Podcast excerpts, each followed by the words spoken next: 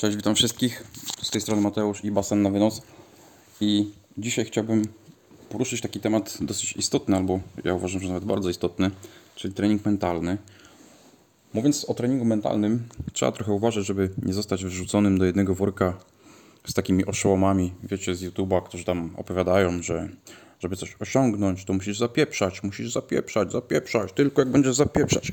Więc tak, okej, dość. Więc my y, generalnie, mówiąc o treningu mentalnym, musimy a, rozdzielić te dwie rzeczy, tak? Takich oszołomów, takich szarlatanów, jak ja to mówię.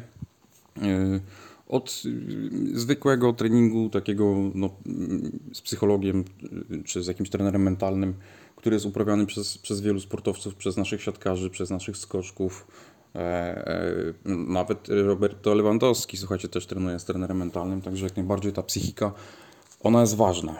I ona jest ważna nie tylko na takim poziomie super sportowym, super wyczynowym, ale ona jest ważna generalnie i w takim sporcie amatorskim, e, jaki uprawiamy sobie na co dzień, tak? No i w życiu przede wszystkim. Słuchajcie, ja tutaj sobie robię notatki. Chciałem tak bardzo uporządkować ten podcast, ale mam tyle rzeczy w głowie, że musiałbym chyba cały zaszczyt zapisać, więc to mm, jakby nie ma sensu. Postaram się, postaram się mówić z głowy i postaram się to zrobić dosyć tak e, w sposób poukładany.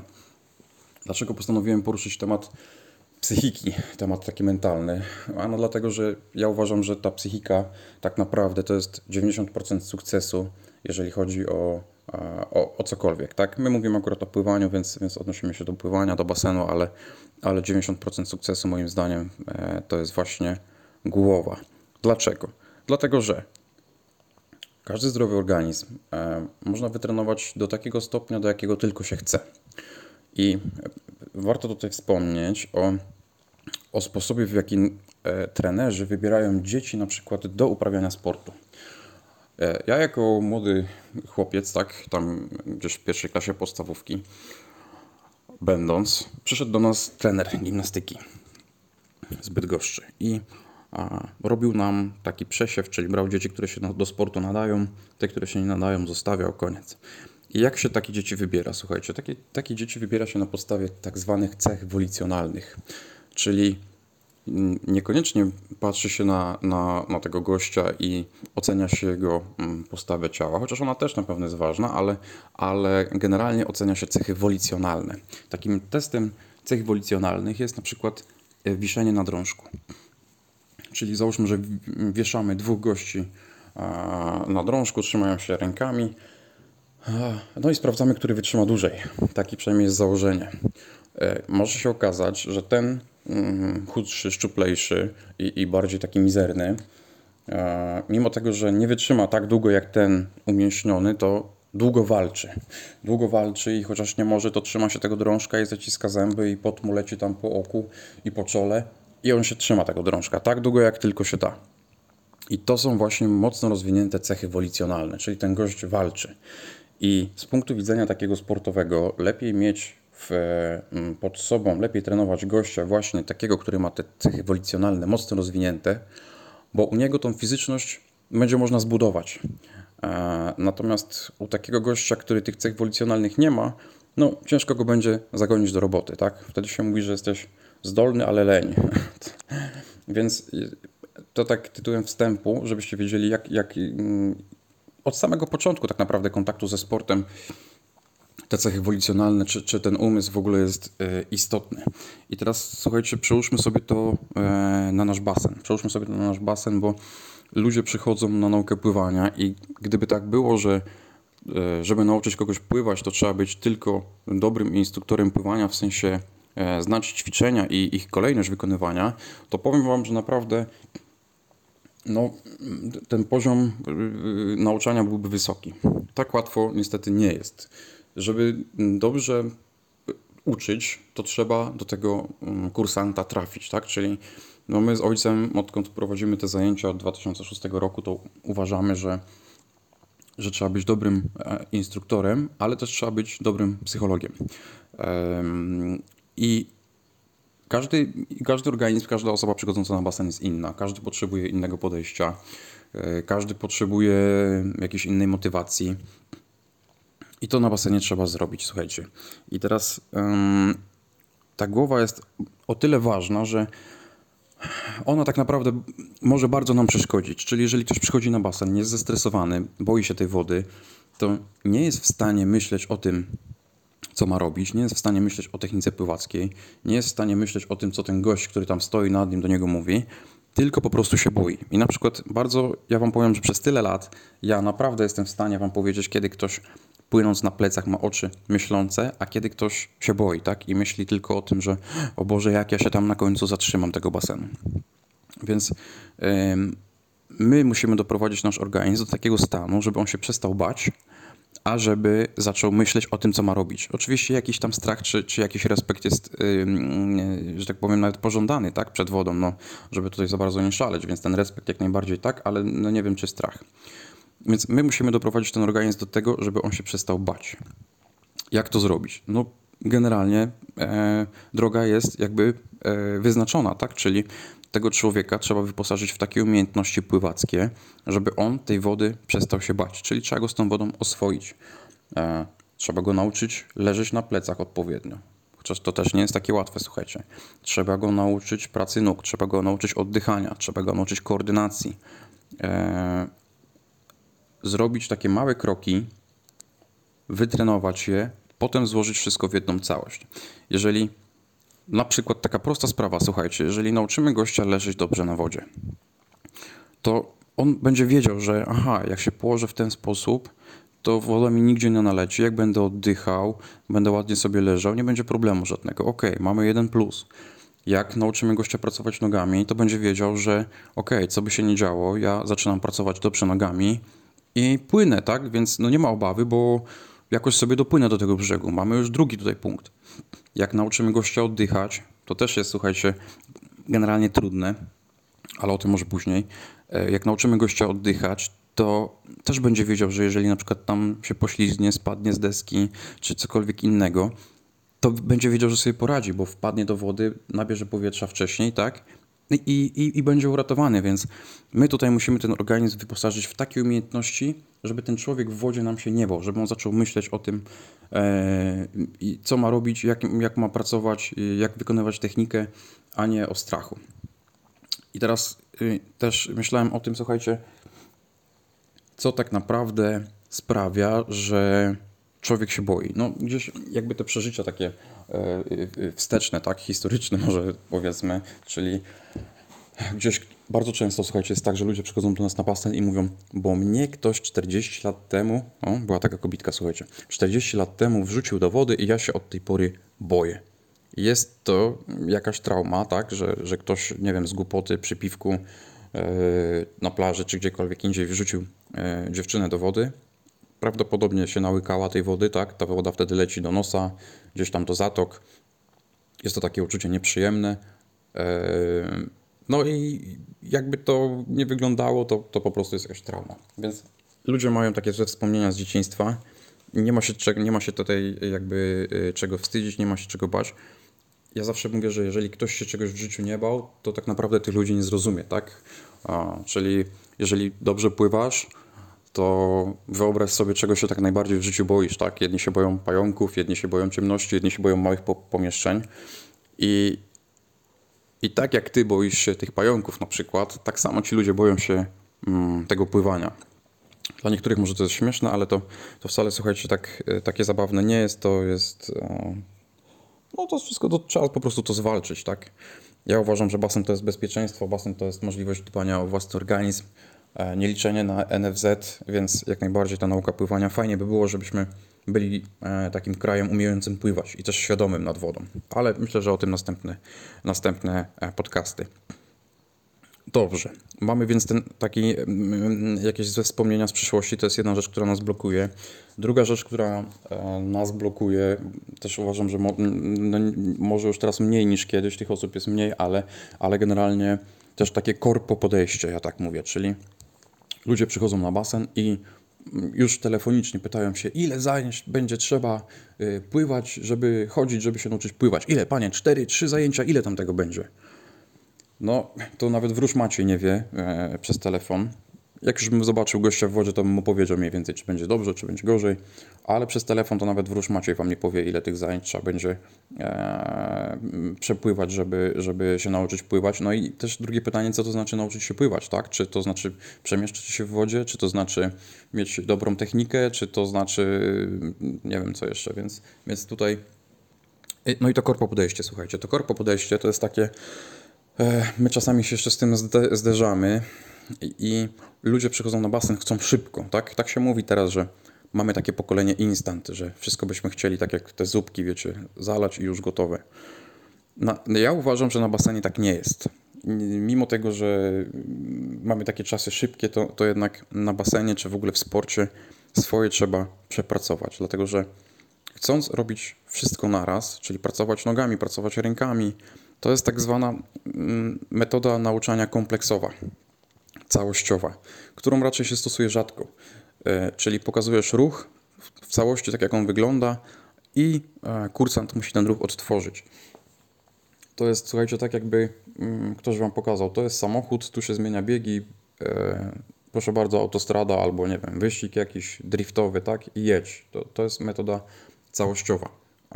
Więc ja to uważam, że, że, że to jest złe podejście. Jakby ci ludzie nie wiedzą, że, że chcą stosować tą metodę całościową, ale my jako doświadczeni instruktorzy wiemy. A jeżeli chodzi o samą naukę, to trzeba by, tak jak Wam wcześniej powiedziałem, małe kroczki, oswoić się z wodą, zrobić nogi, a koordynację, oddychanie, leżenie na plecach, potem to wszystko poskładać.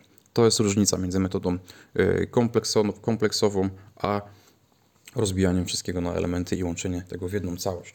Więc to korpo podejście, e, ono nas blokuje też e, z takich względów, że ci, ci ludzie nieliczni już, coraz mniej liczni z takim podejściem, e, oni przychodzą na basen i nie bardzo nas słuchają, nie bardzo chcą stosować się do tych mm, metod sprawdzonych, które, które gdzieś tam metodycy opisali, czy, czy które my mamy wypracowane przez tyle lat, tylko oni by chcieli robić po swojemu. Ja, będąc jeszcze młodym człowiekiem, jak zaczynałem mm, ojcu pomagać na basenie, to zdarzało się, że ulegałem temu, tak? Bo ktoś był starszy, bo ktoś był, y, bo ktoś był, nie wiem, y, prokuratorem, ktoś miał wysoką funkcję jakąś i mówię, no dobra, okej, okay, to zróbmy tak, jak chcesz. No ale co się okazuje? Takie podejście doprowadzi tylko do tego, że gość się zniechęci, bo ta nauka nie będzie szła tak jak, tak jak powinna, bo ona jest po prostu, y, ten, te, ta nauka pływania będzie wykonana w sposób niemetodyczny, nie tak jak powinien wyglądać.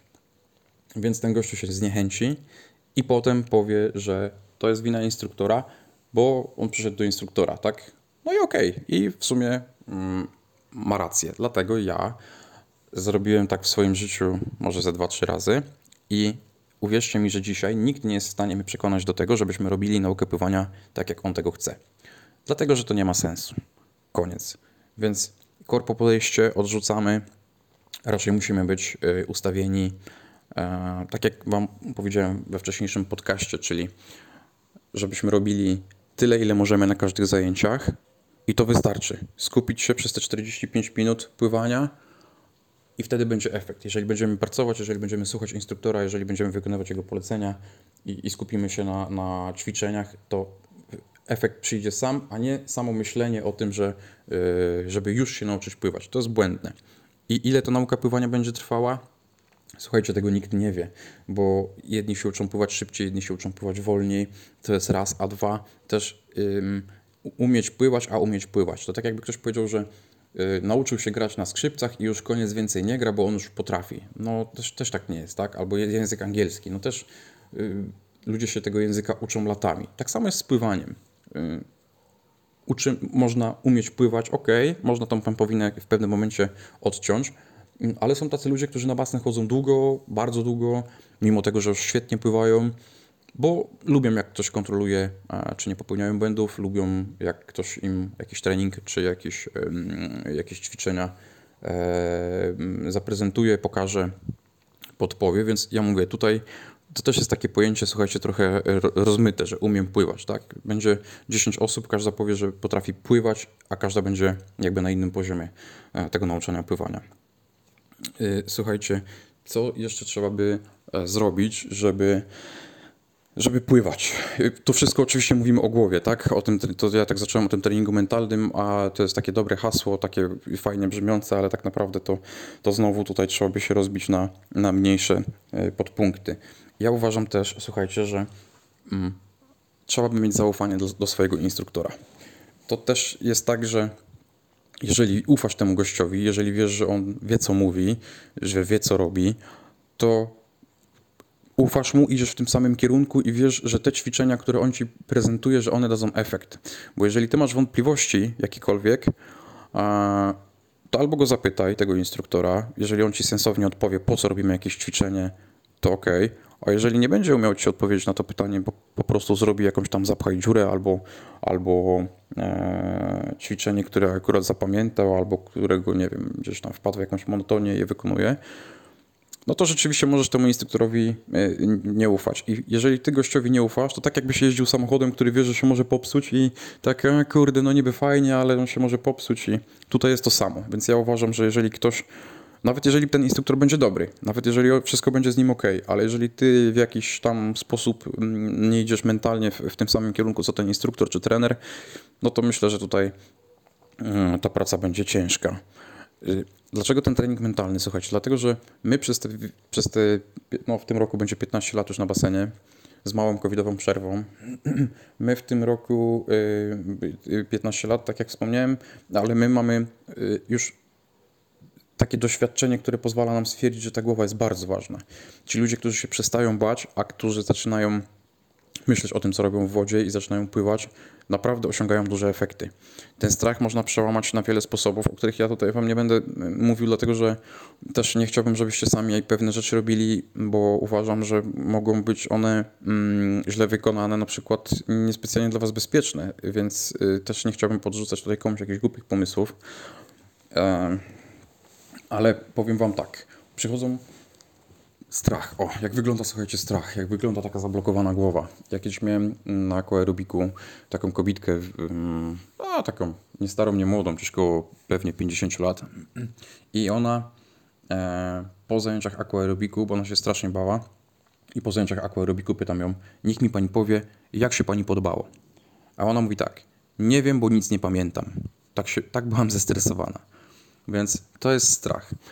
My, jak już ten strach przełamiemy różnymi ćwiczeniami, sposobami naszymi, czy chociażby właśnie wyposażeniem tych kursantów w odpowiednie umiejętności, to wygląda wtedy to nasze pływanie tak, jakby ktoś kluczyk w stacyjce przykręcił i ten kursant na przykład na jednych zajęciach zaczyna zupełnie inaczej pływać. Początek zajęć może być inny, a końcówka już zupełnie inna.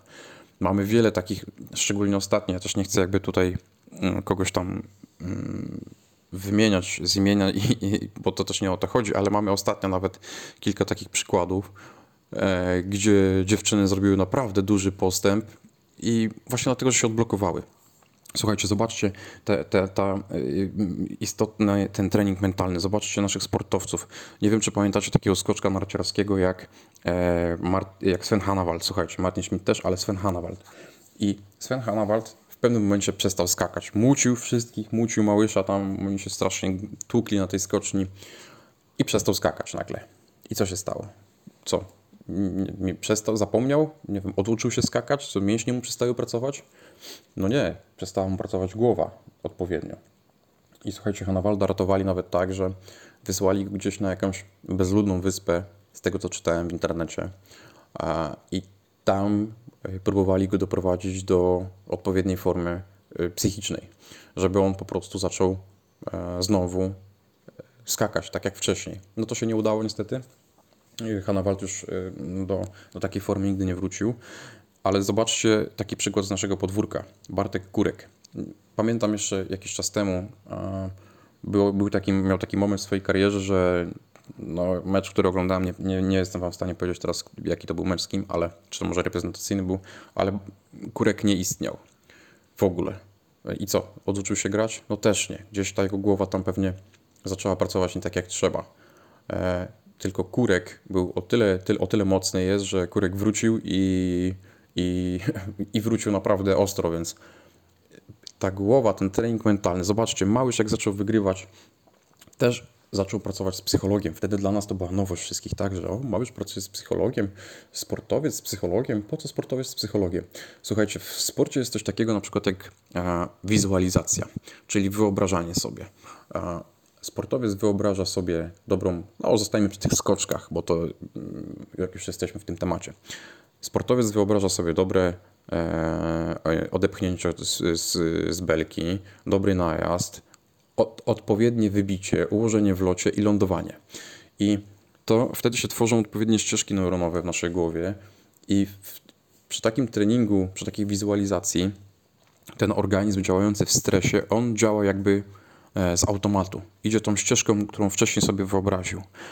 E, Więc to jest dobre podejście. I powiem Wam, że kiedyś na przykład na zajęciach e, z jakiejś psychologii na studiach mieliśmy taką panią profesor, która właśnie nam opowiadała, że jeżeli macie sytuację kryzysową w samochodzie i musicie się gdzieś zmieścić tym samochodem, to musicie w ten punkt patrzeć i jest wtedy duża szansa, że wy się tam zmieścicie, czyli na przykład przejedziecie między dwoma samochodami, między dwoma drzewami na przykład.